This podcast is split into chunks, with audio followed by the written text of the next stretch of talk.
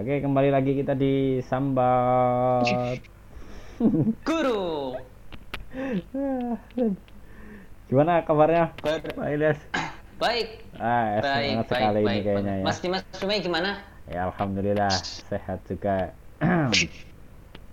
ya, walaupun ini hidung agak mampet dikit ya, tapi ah, oke nggak masalah, cuma butuh eh, rebahan sebentar gitu ya. Nanti Rebahan kal- sebentar. Mm, kalau suaranya agak sengau kayak kodok gitu ya, berarti karena memang belum stabil ini suaranya, gara-gara hidung kesumbat dikit. Semoga kita tetap sehat ya. Ya, Gimana Mas amin. Dimas Dumai sudah vaksin yang kedua? Sudah eh, kemarin Sudah. tanggal berapa ya itu ya vaksin kedua lah, alhamdulillah udah. Kamu gimana, anu Pak Ilyas? Saya sudah saya sudah juga yang Hmm. kedua alhamdulillah ya sehat. Nggak ada efek Ternyata, apa-apa kan? eh, tidak ada, insya Allah tidak ada. Hmm. Ya kita berupaya untuk menyukseskan vaksinasi ini Ya, semua iyalah. lah. Ya, Eh, ya. bagaimanapun itu. Biar apa namanya? Itu bentuk dari ikhtiar kita supaya pandemi ini ce- cepat belah, berakhir lah gitu. Subhanallah. Kita sudah kangen terhadap eh, anak-anak kita ya, anak-anak kita. Wah, iya ini. Rasanya apa ya? Setahun itu wah dan bener-bener ada sesuatu yang hilang gitu ya. Ketika kita Iya, terbiasa ngobrol sama anak, kondisi kondisi sekolah yang ramai, penuh canda tawa anak-anak itu tiba-tiba sepi selama satu tahun ini. Waduh, sekolah jadi kayak mencekam gitu loh. Saya sendiri kan eh, jadi guru baru ya, guru Hmm. baru yang seumur jagung. gitu. Walah. bahkan bukan umur jagung seumur apa namanya bru, brudu katak lah gitu. kalau jagung kan tiga bulan eh kecebong gitu ya. nah itu saya kan eh, kecebong ya saya apa ke sekolah itu karena kangen sama siswa itu bunyiin bel sendiri gitu. jadi kayak orang gila ya. iya ya lama nggak lama nggak dengar Iya. suara bel sekolah gitu ya tahu sepi aduh sen sepi nggak ada bel sekolah biasanya kita sibuk dengan siswa gitu. Mhm. aduh ya luar biasa sekali tapi Mas Menteri kan udah menginstruksikan bahwa Juni apa Juli gitu ya, ya harus sudah tatap muka gitu kan mau nggak mau harus tatap muka nah maka dari itu ya mau nggak mau guru juga harus udah divaksin gitu loh salah satu sebagai bentuk eh, pengaman lah. Walaupun nanti kita tetap juga harus melaksanakan protokol kesehatan kayak gitu loh. Ya baguslah sedikit sedikit gitu kan mulai mulai ke normal yang baru gitu ya. Nggak seperti itulah. Ya, emang beberapa beberapa apa namanya? Beberapa sekolah sudah melakukan piloting ya di beberapa tempat. Hmm. yang sudah ditentukan oleh Pemprov.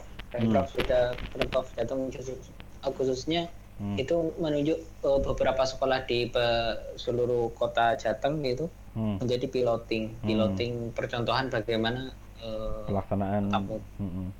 menuju tatap muka gitu. Menuju tatap muka. Menuju tatap muka. Iya, karena bagaimanapun eh, kasihan juga ya peserta didik itu ketika tidak eh, butuh lah gitu. Tatap Iya. muka dengan guru itu eh, butuh, Iya. sangat butuh. Sangat Tidak semua terwakili oleh online. Gitu. Mm, mm, bener banget, bener banget.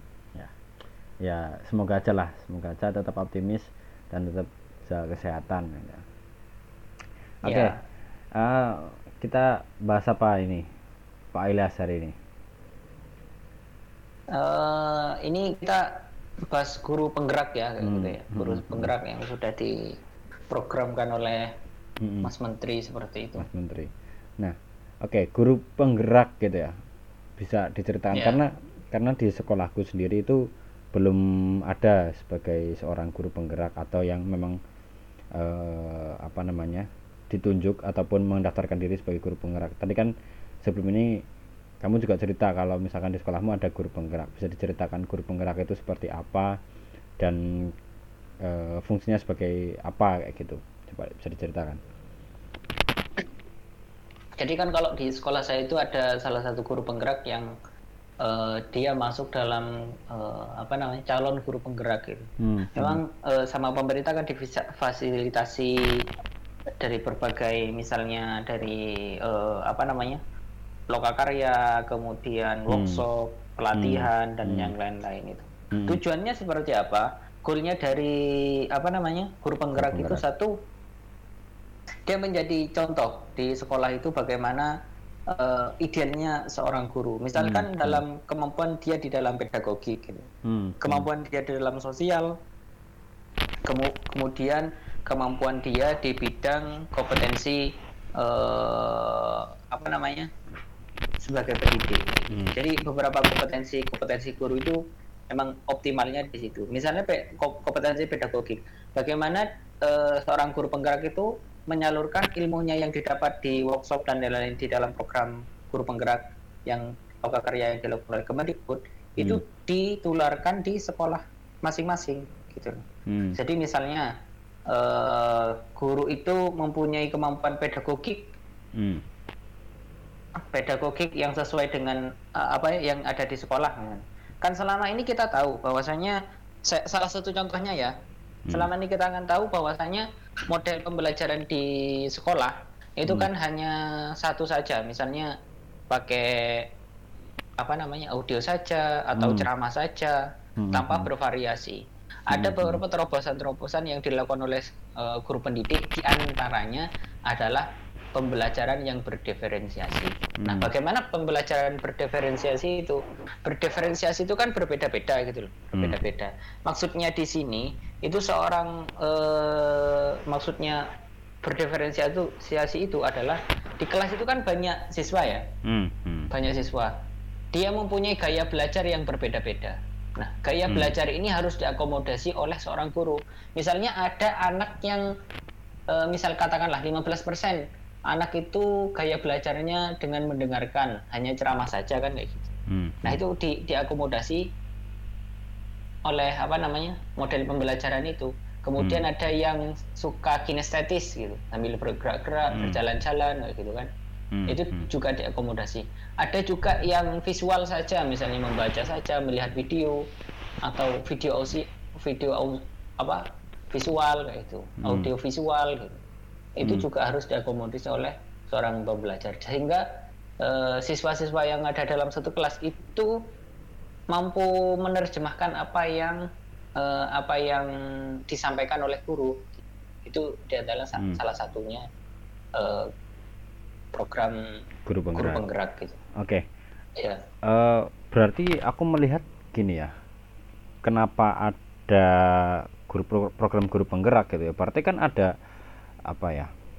Pemerintah khususnya Kemendikbud itu melihat bahwa ada sesuatu yang kurang dari guru itu sendiri gitu loh. Misalkan gini, eh, guru yang ada sekarang, apakah memang itu tidak bisa melakukan seperti yang guru penggerak lakukan gitu loh? Berarti Kemen- Kemendikbud melihat adanya hal seperti itu atau gimana? Latar belakang diadakannya kegiatan atau program guru penggerak ini. Ini adalah salah satu untuk mengupgrade ya, mengupgrade, Hmm. mengupgrade kemampuan para guru-guru gitu loh maksudnya. Hmm, hmm, Dia menjadi penular. Ya, semisalnya saya tidak bisa mengeneralisir bahwasanya di salah satu sekolah tidak bisa A, tidak bisa B, saya tidak bisa mengeneralisir. Tapi setidaknya dengan program guru penggerak itu Hmm. kan eh, memotivasi gitu, memotivasi bahwasanya ini loh yang benar, ini loh yang idealnya, Hmm, ini loh ya bagaimana kita sebagai seorang guru dan darahnya adalah apa? Kemampuan kita mengupgrade kemampuan pedagogik kan kompetensi pedagogik Hmm, kemudian mengupgrade mengupgrade eh, kompetensi apa namanya kompetensi sosial kayak gitu. hmm, hmm, hmm, hmm.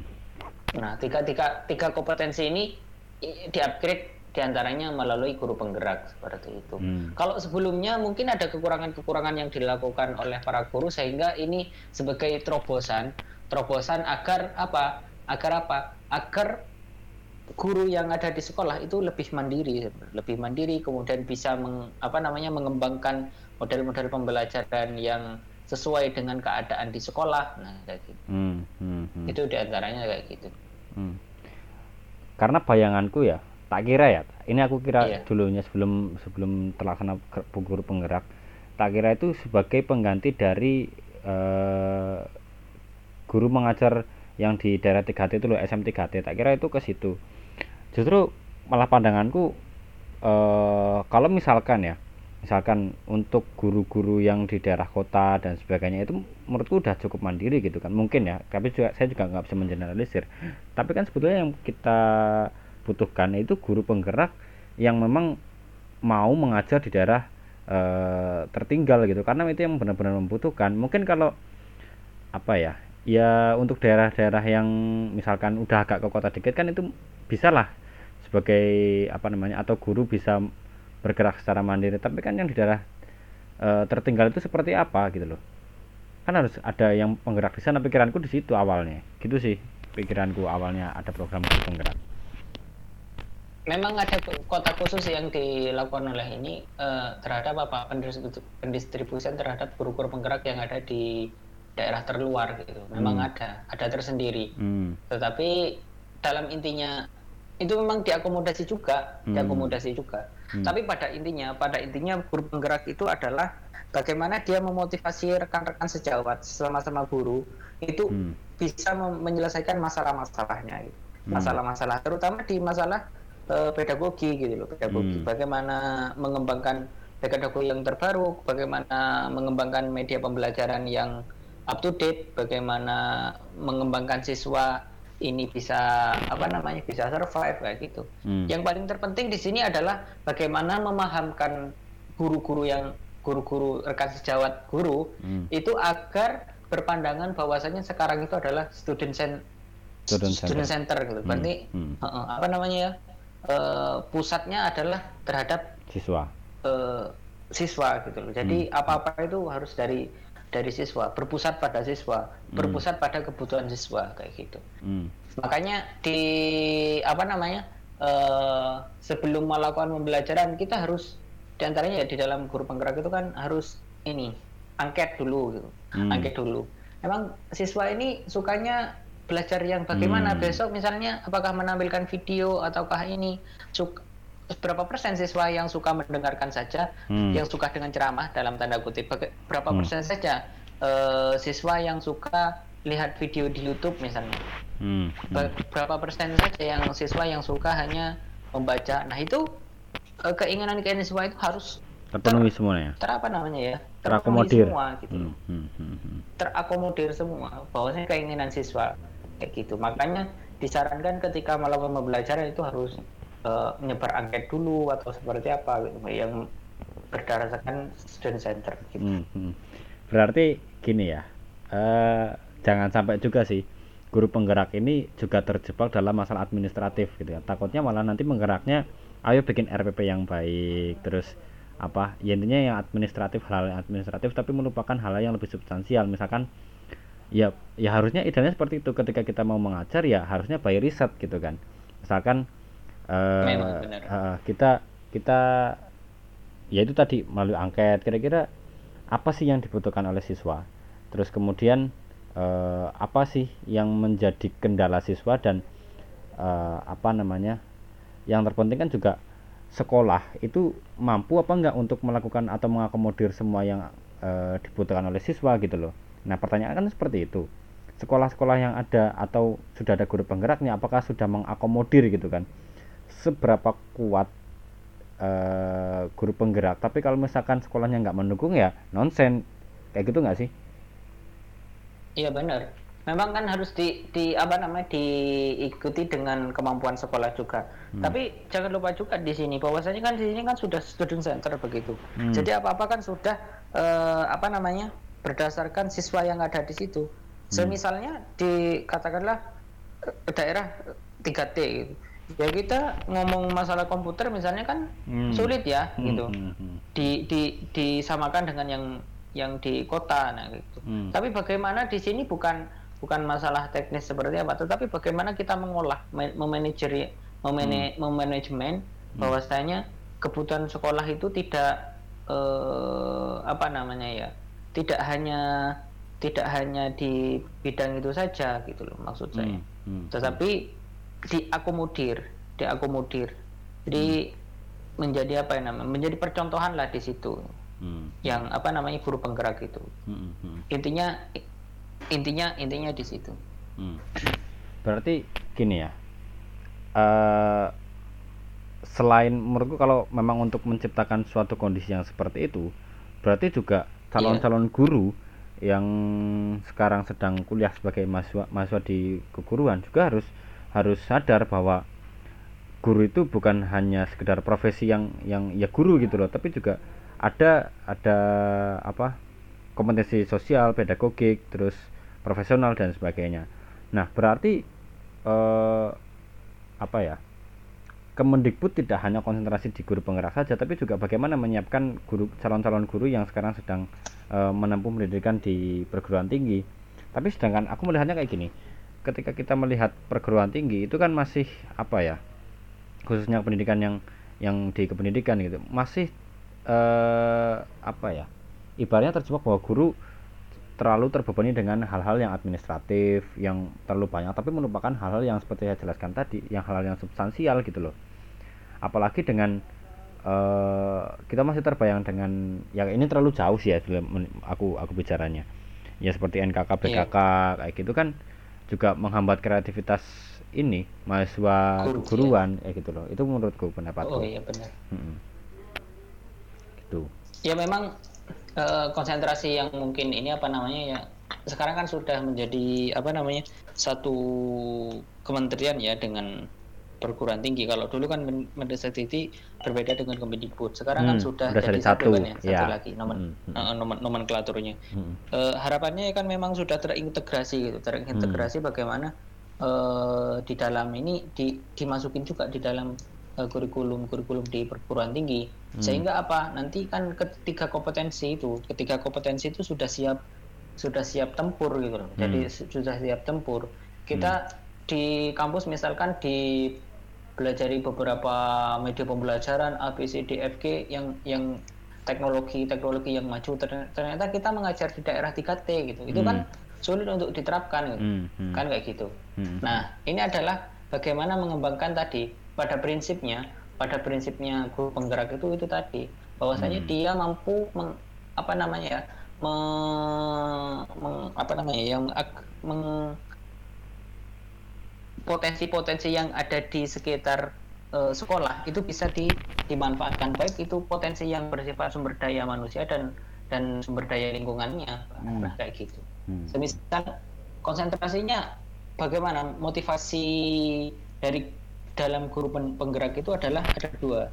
Yang pertama itu adalah meningkatkan kompetensi diri dalam hal menerapkan pembelajaran yang berpusat pada pendidik. Jadi uh, tadi yang saya jelaskan adalah satu memang student center hmm. yang berpusat pada pendidik itu motivasi bagaimana menjadi guru penggerak kayak gitu yang itu yang pertama yang kedua adalah memiliki keinginan untuk selalu belajar hal baru dan terus memperbaiki hmm. diri hmm. Hmm. ah ini ini kan sudah dijelaskan oleh apa namanya Pak Mendikbud ya dalam ini bahwasanya belajar itu sepanjang hayat gitu Pak bahwasanya guru hmm. di sini juga harus belajar gitu. Ya, ya, harus belajar. Kita kita harus peka terhadap lingkungan juga gitu. Hmm, hmm. Karena lingkungan seperti apa? Kita juga harus peka karena apa? Itu bagian dari kok tiga kompetensi yang harus dimiliki oleh seorang guru, hmm. yaitu adalah kompetensi sosial. Nah, kayak gitu. Hmm. Nah, kayak gitu kan. Hmm, hmm, hmm.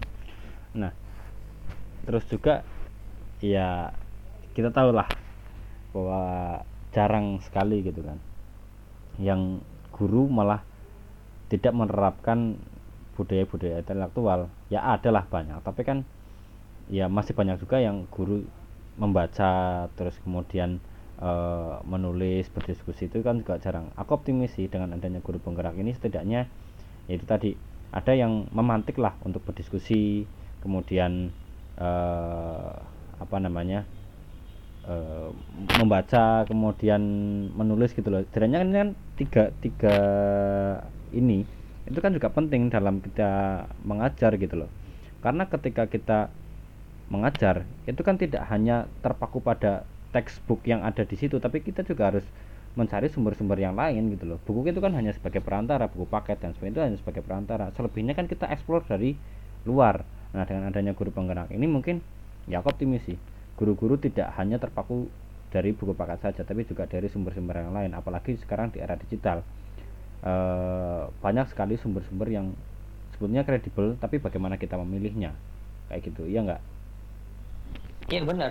Nah ini kan di antaranya ke ke apa namanya ya eh, kegelisahan Kemendikbud itu guru-guru kan yang sebelumnya kita bahas gitu loh tentang literasi media. Hmm. Bahwasanya masih banyak guru-guru yang ada di sekolah kita yang di sekitar kita Hmm. itu kan misalnya dia tidak tahu literasi media ya, Hmm. menyebarkan hoax sampai Hmm. hari ini pun sampai hari ini pun saya di dalam grup grup eh, WhatsApp ya WhatsApp guru itu kan di antaranya yang menyebarkan itu Hmm. Hmm. Hmm. Hmm. Berita yang tidak tahu asal usulnya dari mana. Hmm. Di, di bawahnya sudah di- dijelaskan apa? Di, di bawahnya sudah ditulis apa? Dari grup sebelah. gitu.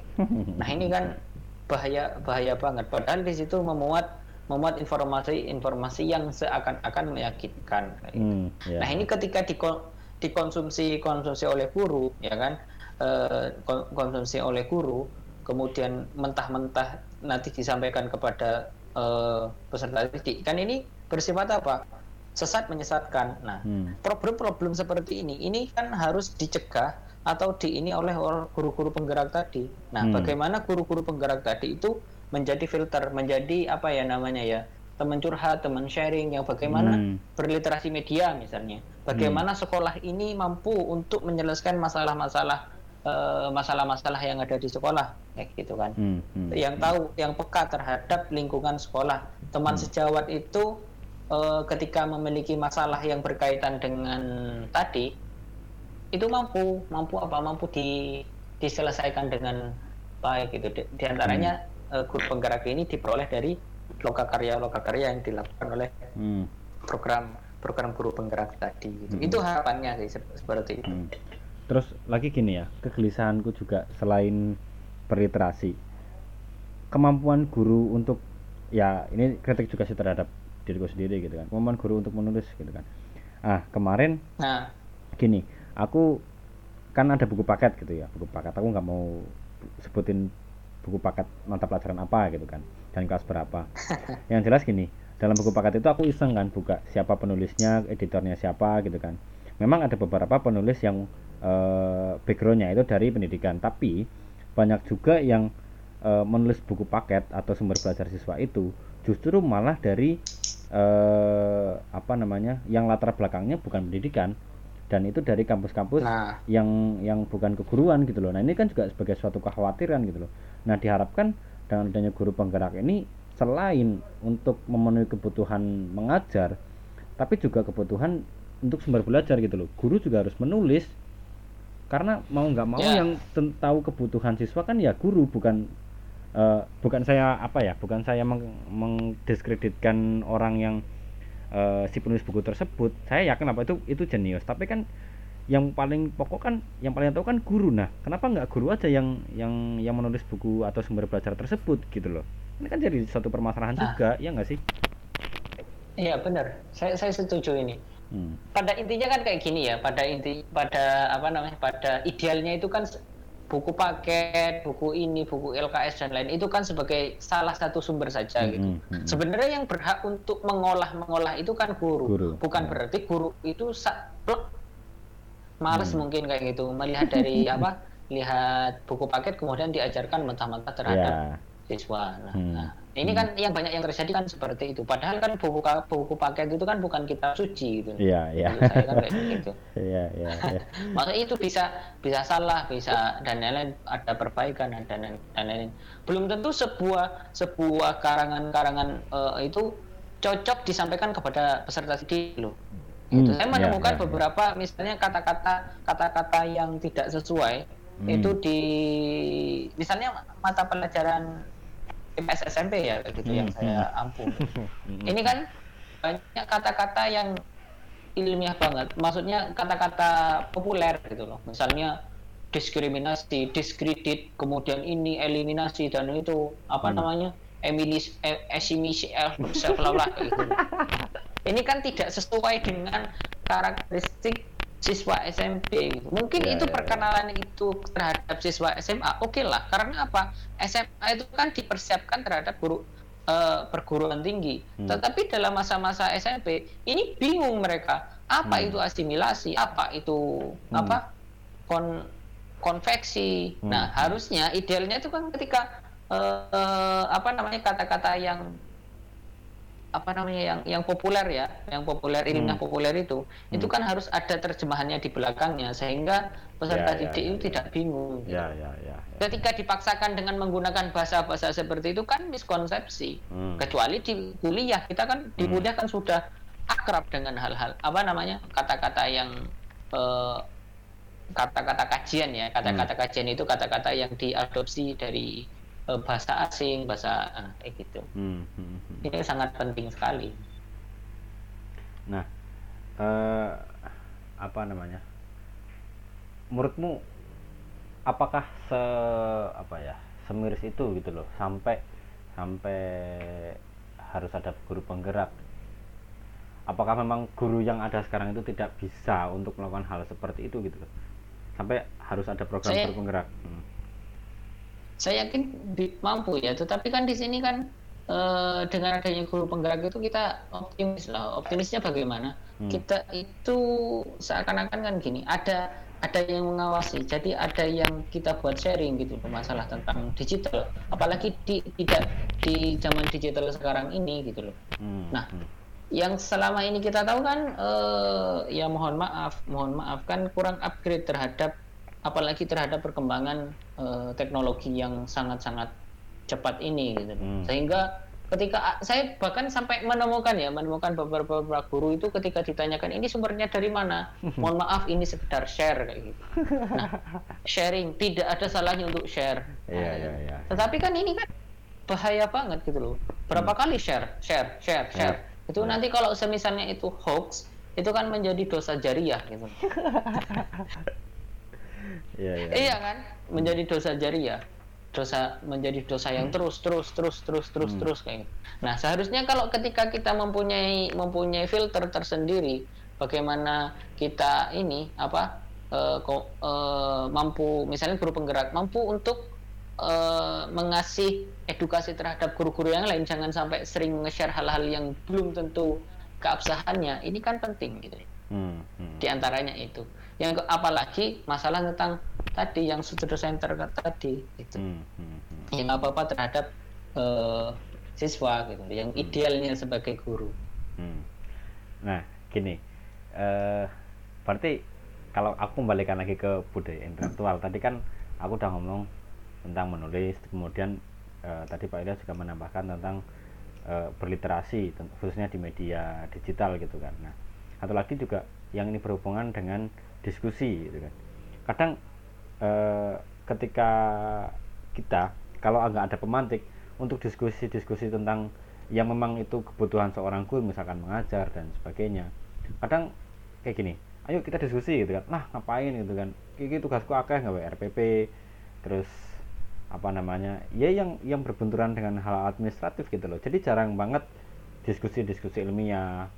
Ya bagusnya kan idealnya ketika kita mau mengajar ya harus ada riset gitu kan. Risetnya bukan dari by by pengalaman saja gitu. Wah aku kemarin eh, ngajar anak itu anaknya nakal ini dan sebagainya. Padahal kita belum tahu apa yang dibutuhkan anak tersebut karena nggak ada riset jadi kan yang timbul itu hanya pers- persepsi gitu loh. Bukan bukan data yang Ya. real dibutuhkan oleh seorang anak gitu loh. Nah ini juga menjadi permasalahan ketika kita mau membuat suatu kajian ilmiah ataupun diskusi ilmiah di lingkungan guru itu terbentur dengan ya itu tadi administratif kemudian eh, masalah perse- persepsi kayak gitu sih. Nah iya, saya pernah mengalami itu ya, mengalami bahwa saya beberapa sharing terhadap guru-guru. Hmm. A, B, C, D, F, G, dan HIJ mau ngobrol masalah banyak. Tetapi ketika saya menanyakan sumber dari mana, misalnya si A nakal, Hmm. kemudian hanya hanya hanya sekedar saja gitu loh. Hmm, hmm. Ketika saya melihat eh, eh, tingkatan motivasi belajar kan ada ya beberapa Iya. tingkatan motivasi belajar. Itu kan berkaitan dengan motivasi belajar. Hmm. Nah, saya tanya itu bagaimana? Ini dokumennya di mana? Misalnya ya, ini Hmm. dari, dari mana? Angket kah? Dari angket kah? Atau dari apa? Atau dari wawancara? Tidak, hanya dari perspektif perspektif guru masing-masing. Persepsi lah, persepsi. mengamati aja. Persepsi. Hmm. Nah, persepsi ini kan bisa salah, bisa benar. Iya. Karena apa? Tidak ada metodologi di dalam persepsi tadi, Hmm. gitu loh. Subjektif banget, gitu Iya, loh. iya. Maksudnya kalau kata jaga, eh, anak jaksel kan ini kan persepsi banget gitu kan kayak gitu kan ini bahaya iya ini ini eh, apa ya Eh, ini makanya eh, ya tadi. Hmm. Nah, di antaranya guru penggerak apa itu tadi. Ini sering sering lah apa menyebar angket. Apa sih yang kemauan siswa? Mungkin siswa Hmm. tidak mampu untuk mengutarakan hal-hal itu, hal-hal ini dan itu kan tidak tidak bisa mungkin kan ya gitu.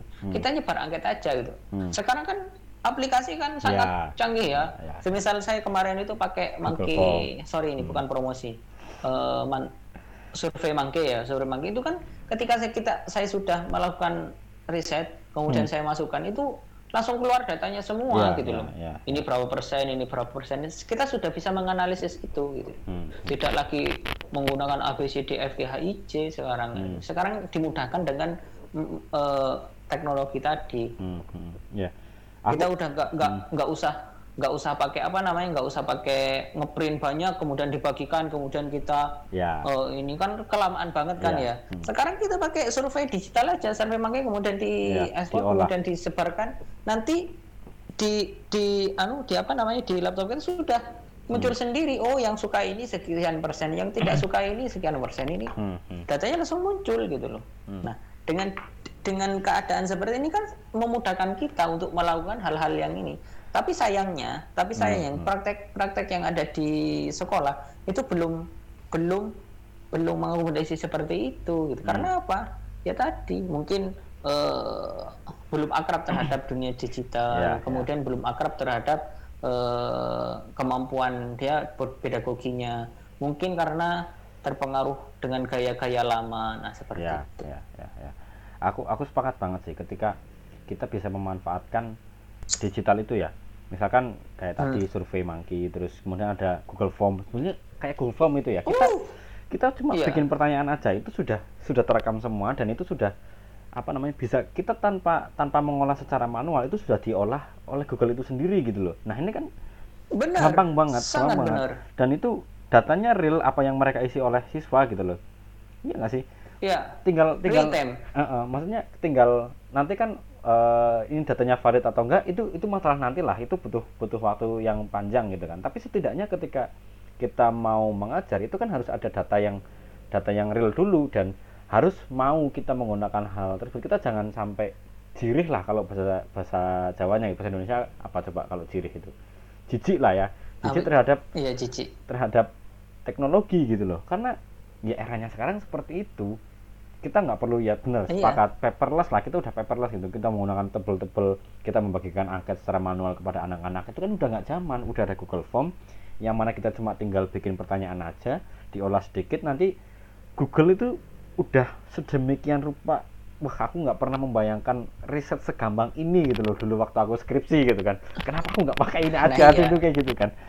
Terus udah udah enak banget zaman sekarang gitu loh Nah, makanya kita kan apa memanfaatkan platform-platform yang sudah ada Hmm. itu untuk menunjang kinerja kita. Nah, itu di antaranya fungsi guru-guru penggerak tadi. Gitu. Hmm, hmm, Misalnya tadi sekarang ada ada aplikasi saya tidak anu ya apa namanya bukan promosi seperti apa, tapi kan saya menggunakan fakta. Misalnya seperti Wordwall. ya Wordwall itu adalah bagaimana kita eh, soal-soal kayak gitu. Kita tuh tidak usah repot-repot mengoreksi soal seperti dulu gitu loh. Hmm, mau ya. cari pulpen kemudian dibolongi lagi kertasnya dibolongi kemudian dicocokin di ini itu, itu sudah bukan zamannya lagi seperti itu ya ya ya. sekarang zamannya bagaimana sekarang ini serba digital kita Hmm. menggunakan digital itu untuk memudahkan pekerjaan kita nah gitu Hmm. nah ini kan yang tidak yang kadang-kadang orang-orang kan alergi terhadap eh, perubahan Iya. zaman perubahan zaman tadi Hmm. Eh, katakanlah yang seperti kita dulu yang sudah bahas yang generasi analog ya. Hmm. generasi analog itu sulit untuk berpindah ke de- generasi digital. Nah, Ya, gitu. ya. ini sehingga apa? Sehingga apa? Eh, banyak ya guru-guru yang misalnya sudah sepuh gitu. Wah saya sudah tidak mampu melakukan hal itu. Hmm. karena mungkin persepsinya berbeda. Ya ya ya. Sekarang edit video editing video sangat gampang sekali. Hmm. Ed- editing gambar editing gambar. Kita Ya, tidak tidak hanya terpaku pada Corel Corel atau Photoshop saja yang oh, lama ya apa namanya harus mempunyai laptopnya harus Hmm. Keterampilan, dan lain-lain. ya. Tampilan dan lain-lain. Sekarang udah banyak yang berbasis web. Ya ya. Kan? Berbasis aplikasi, aplikasi. yang berbasis web Ki. Hmm, iya seperti misalnya Krelo dan yang lain-lain itu. Hmm, hmm, ini kan memudah memudahkan kita gitu loh. Hmm, hmm, hmm. ya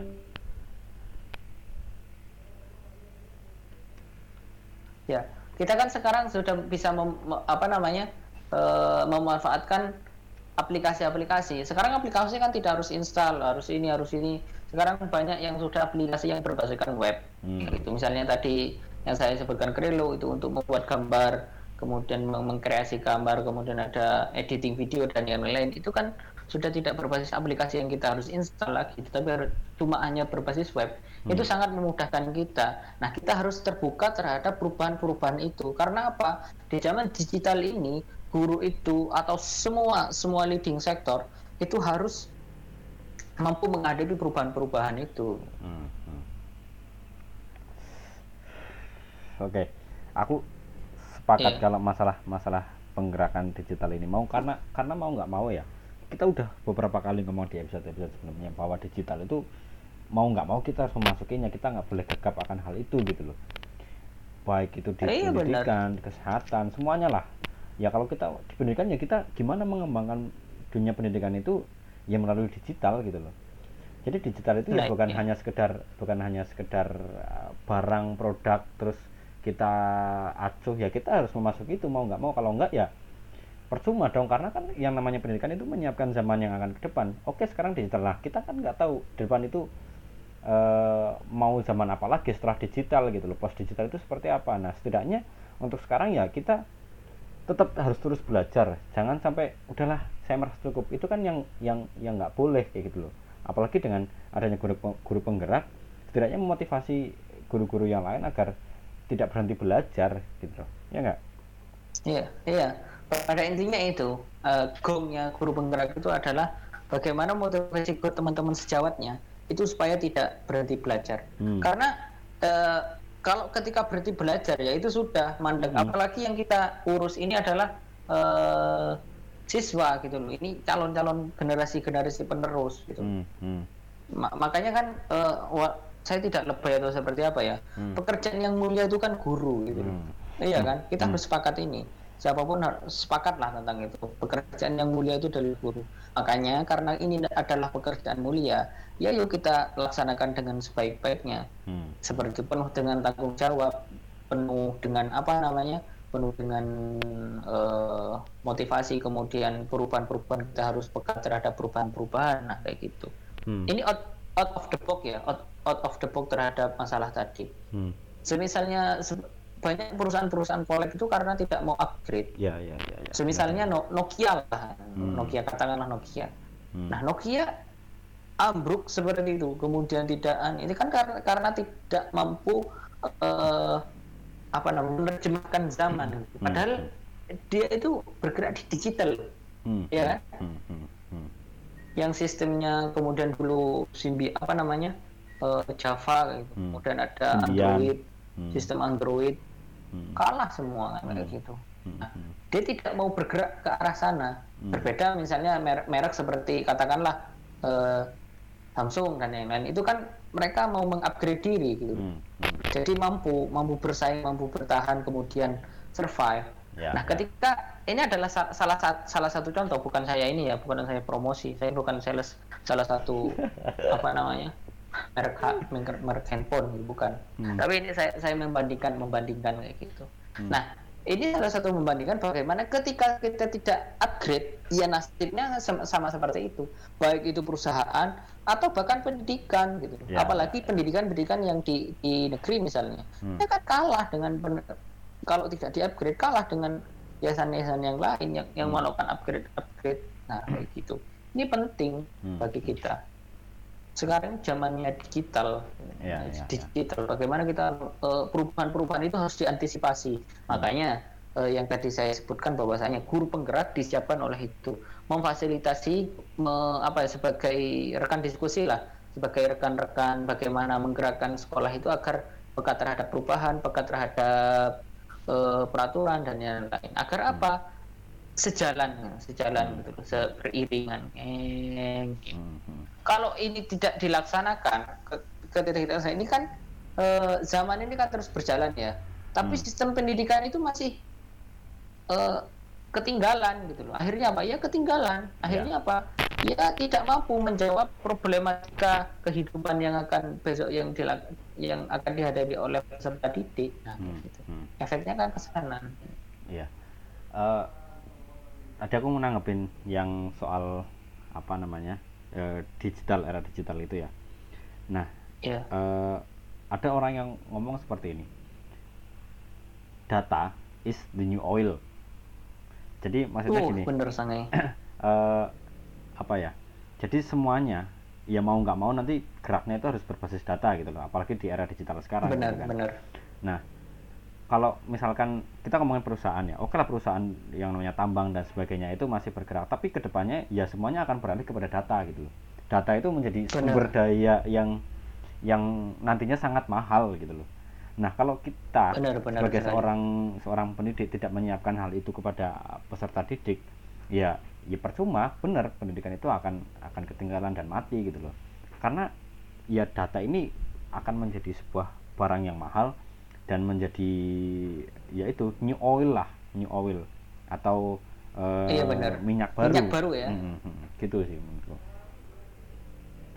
Eh, saya, saya sepakat itu. Ini sepakat. Data itu adalah sebagai new oil gitu kan ya. Hmm, hmm. Makanya tadi da- eh, guru penggerak ketika melakukan sesuatu itu kan harus berbasis dasar, berbasis data. Hmm. Di antaranya adalah riset, riset- mini riset lah kayak gitu. Misalnya menjabarkan angket. Ini kan basic data, Hmm. ya kan kayak gitu kan ya. Nah, Tidak lagi Bahkan berdasarkan ada persepsi gitu ya. Nah, persepsi apalagi asumsi. Nah, Hmm. berangkatnya dari mana? Atau berangkat dari mood. Sekarang saya mood untuk mengajar ini kok. Nih. Nah, Atau pas pas dia suka sejarah misalnya dalam dalam IPS eh, yang terversi dia panjang banget. Tetapi ketika sudah tidak malah eh, Nggak bosan mood. dengan geografi misalnya, yang bagian geografinya dilewatin. Ini kan eh, miss miss banget gitu loh iya, iya. Ini ini sangat sangat ini karena tidak ber- berdasarkan data Hmm. ini kan sangat sangat berbahaya sekali Eh, apa yang kita tuju yang apa kita sasar yang apa kita sasar itu kan tidak ada dasarnya Hmm. maka ketika tidak ada dasarnya ini kan ke mana-mana nanti goalnya di mana gitu. Hmm, hmm. tidak ada perencanaan yang bagus ingat ya perencanaan itu bukan hanya bukan hanya RPP yang yang ditulis kadang-kadang Iya, itu iya, iya. hasil dari kopas gitu Hmm, bukan hmm. tetapi menyebarkan angket kemudian Ya. kita menganalisis itu itu bagian dari rencana juga Ya, benar, benar. ya enggak itu bagian dari rencana pembelajaran juga Hmm. karena kita tahu ini kan student student sentris gitu Hmm, hmm. jadi kita tahu apa kebutuhan siswa tadi bukan kebutuhan siswa tadi itu berdasarkan apa? Bukan hanya berdasarkan lewat asumsi tetapi harus berdasarkan real, real data. Hmm, ketika data kita mengolahnya su- susah gitu. Kan sekarang sudah disiapkan tadi yang seperti Hmm. yang Mas Dimas Jumai katakan bahwanya sudah ada sur- survei monkey kemudian ada Google Form ya kan? Hmm, hmm. sangat mudah sekali kan ya? Hmm, hmm. Google Form langsung ada statistiknya juga kan ya? Hmm, hmm. sehingga kita tahu dari situ siswa dan real time. Hmm. nah kayak gitu. Bukan lagi kita ketika menyebarkan kertas kemudian kita koreksi masukkan ke Excel atau masukkan ke SPSS kemudian kita olah tidak sekarang Hmm. hanya kita nulis di Google Form kemudian kita share linknya itu diisi seset langsung muncul sendiri kan sangat mudah Hmm, hmm, hmm. jadi kan bukan menjadi sebuah alasan lagi ketika kita tidak berdasarkan data melakukan sesuatu Hmm, kan kayak hmm, gitu hmm. Nah, ini juga menurutku gini. eh, ini kan suatu terobosan ya ketika kita mau mengajar itu harus berbasis data gitu kan. Eh, Iya. eh, ya RPP penting tapi juga karena apa ya? Ini belum masuk ke terhadap sistem di sekolah gitu loh. Ketika ada Benar, penilaian benar. terhadap sekolah itu kan yang dinilai hanya RPP, kurikulum, terus silabus, terus ya semua administratif yang ada di sekolah, tapi belum mencantumkan yaitu apa yang menjadi kebutuhan eh, setiap peserta didik. Nah, ini kan juga harus by riset. Nah, mungkin ini ini juga yang harus dimasukkan ke dalam sistem eh, pendidikan gitu loh. Khususnya di masing-masing sekolah Harus ketika di- ada iya, ketika ada penilaian ataupun evaluasi dalam pendidikan itu harus mencantumkan itu. Ya ini harus masuk ke dalam sistem. Kalau misalkan ini tidak masuk ke dalam sistem ya akhirnya hanya menguap sebagai sebuah wacana gitu loh. Toh nanti Ah, misalkan ya guru penggerak itu bukan hanya selagi sebuah program, tapi juga sebagai suatu sistem yang ada di sekolah. Nanti di satu sekolah Ya. harus ada guru-guru penggerak atau atau ya itu tadi pentolan lah ibaratnya. Pentolan di sekolah yang menjadi eh, pemantik bahwa eh, manajemen sekolah ataupun sistem sekolah itu harus bergerak berbasis dengan sesuai apa yang dibutuhkan oleh student center gitu loh. Nah, ini yang menjadi Iya, PR benar, lagi benar. gitu loh. Jadi tidak hanya sebuah program yang ada di Kemendikbud tapi juga sudah menjadi satu kesatuan dalam sistem di, yang ada di sekolah. baik itu manajemen ataupun uh, ya apa pun lah yang intinya itu tercantum dalam sistem sekolah. Kayak gitu menurutku. Iya benar. Jadi kan kayak gini ya hmm. uh, simpelnya seperti ini. Ketika kita sebelum mengajar itu kan kita ini contohnya kita malah uh, uh, apa namanya menggunakan metode apa? Ceramah kah? Kemudian powerpoint kah? Atau hmm. pakai video kah? Hmm. kayak gitu. Hmm. Nah, ketika kita ditanya dasarnya apakah uh, menggunakan PowerPoint misalnya, ya, dasarnya ya. apa menggunakan video, hmm. dasarnya apa menggunakan ini, hmm. uh, itu berdiferensi anu apa, apa dasarnya? Hmm. Karena kita tidak tahu, hanya suka-suka kita aja gitu. Hmm. Tetapi beda lagi ketika kita sudah melakukan riset sebelumnya. Hmm. Semisal kelas A, ini lebih condong terhadap semua saya suka terhadap video gitu. Hmm. Sudah ada ini apa namanya? Datanya angket sudah di, diisi bahwasanya hmm. dia suka dengan penampilan video. Kan kita sudah punya dasar bahwasanya kita mengajar pakai video di kelas itu. Hmm. Ini lebih diterima oleh siswa itu daripada hmm. PowerPoint misalnya gitu. Hmm. Hmm. Kita bisa membandingkan dua ini gitu. Hmm. Dua-duanya gitu kan. Hmm. Hmm apakah hari ini mau belajar apa ya, mau belajar pakai apa pakai apa itu kan ini tapi kan kita tidak melakukan itu terus hmm. suka kita aja gitu yeah, yeah. tinggal kita lagi males uh, apa namanya kita tinggal buat RPP ketika hmm. sudah ini pakai itu dan pakai ini hmm. hmm. kalau apalagi kalau kita lagi males cuma ceramah saja kayak. Yeah, nah yeah, ini kan bukan tipikal apa bukan tipikal student center student center tadi hmm. Hmm. Nah, mungkin gini ya. Uh, dalam setiap kali penerimaan peserta didik baru yang merek yang sekolah catat itu kan hanya hanya apa ya ya administratif setiap peserta didik. Misalkan gini si A tanggal lahir kemudian orang tuanya siapa terus lulusan SD mana kemudian uh, ya intinya yang kayak gitu loh. Tapi belum mencantumkan misalkan kamu butuhnya apa kamu kepenginnya seperti apa kamu tipe orangnya seperti apa kamu uh, enak belajar dalam suasana yang seperti apa. Nah mungkin ini juga harus harus terekam oleh sekolah gitu loh. Jadi tidak hanya masalah misalkan tanggal lahir kemudian uh, siapa nama orang tua. Iya itu penting. Tapi juga kebutuhan setiap siswa siswa agar nanti sekolah ketika mau membuat sebuah kebijakan itu sesudah atau sudah ada data yang yang diambil yang sudah terekam gitu loh. Jadi tidak ya kira-kira kita butuhnya gedung.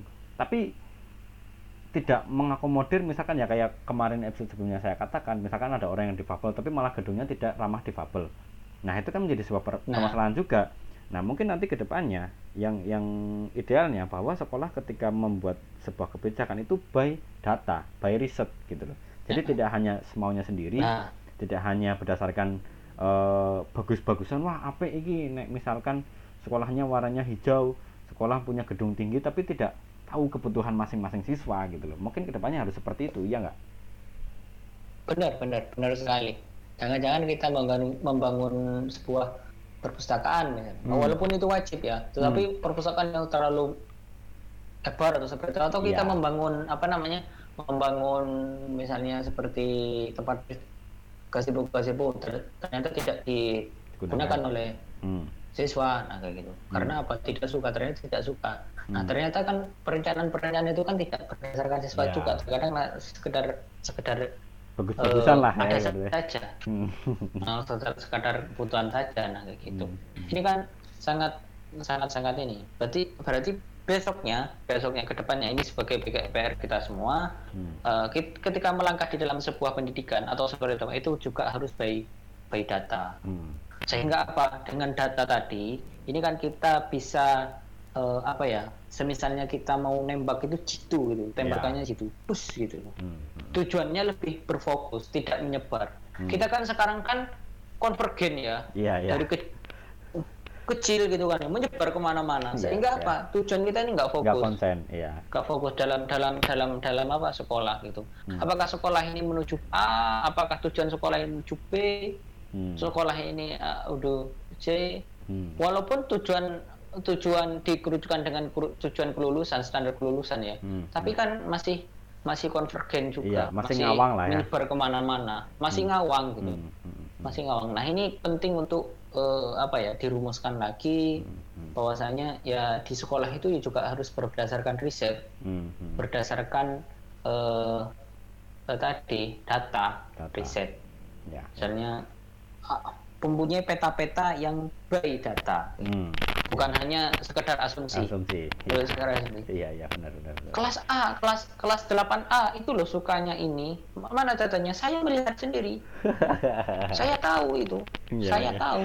Nah, ayel-ayelan eh, ayel-ayelan kemudian ayel-ayelan hanya debat kusir. Iya, iya, Beda iya. dengan ceritanya. Semisal kita, loh, katanya si- siswa A itu suka dengan metode pembelajaran seperti ini. Bukan kok, ini saya punya datanya. Nah, Hmm. semisal mungkin ini kan sudah cukup gitu.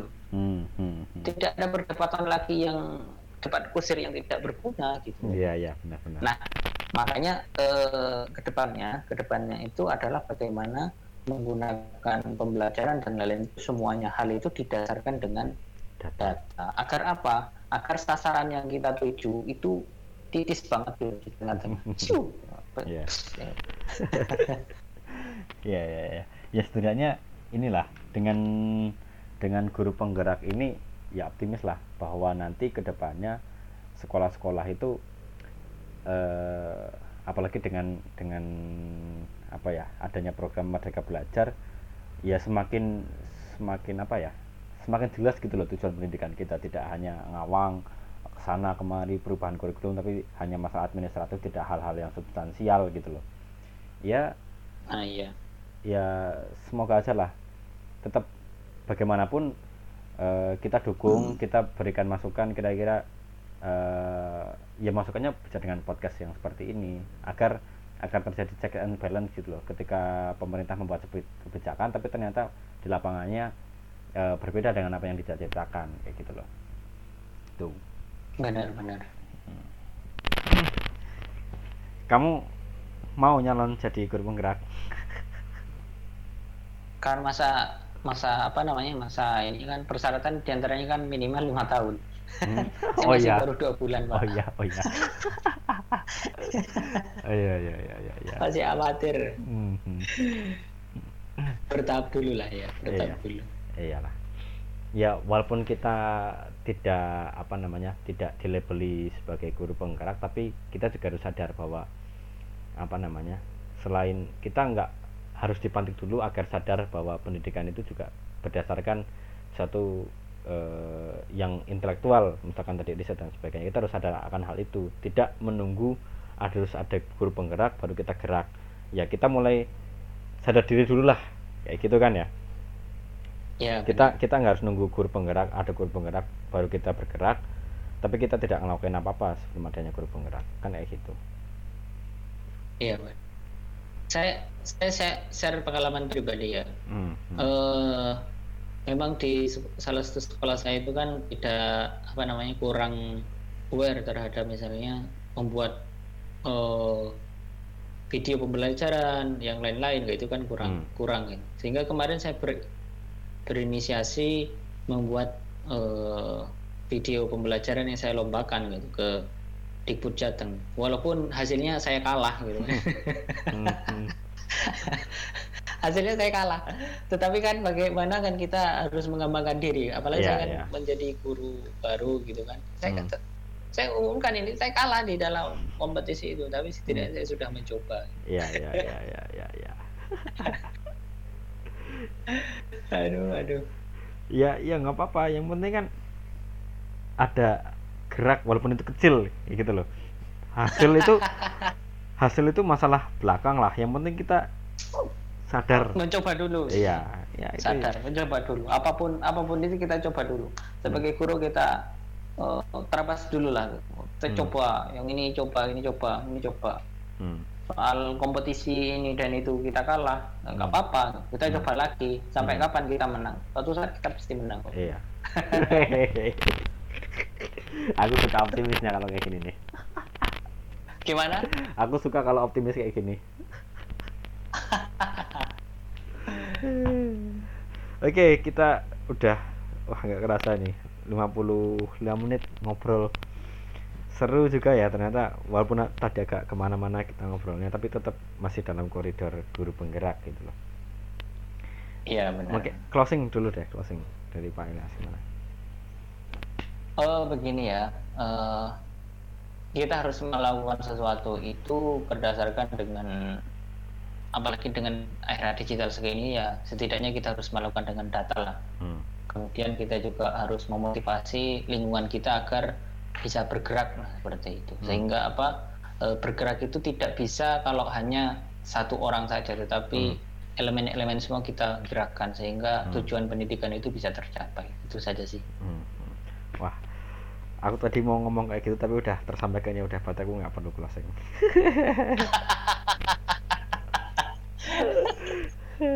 Siap siap. Oke mungkin itu dulu. Uh, kita jumpa di episode selanjutnya dengan obrolan-obrolan yang menarik. Uh, nanti kalau teman-teman mau ada masukan ataupun apa namanya kritik dan saran silahkan bisa DM lewat Instagram saya ataupun lewat Mas Ilyas saja atau mungkin lewat Twitter ataupun ya kalau yang punya WA saya silahkan berikan masukan dan komentarnya agar diskusi kita lebih berkembang lagi gitu. Oke. Okay? Benar-benar. Ya, cukup sekian. Sampai jumpa di episode selanjutnya. Salam sambat gede. Ya. Salam. Oke, terima kasih. Sama-sama, terima kasih.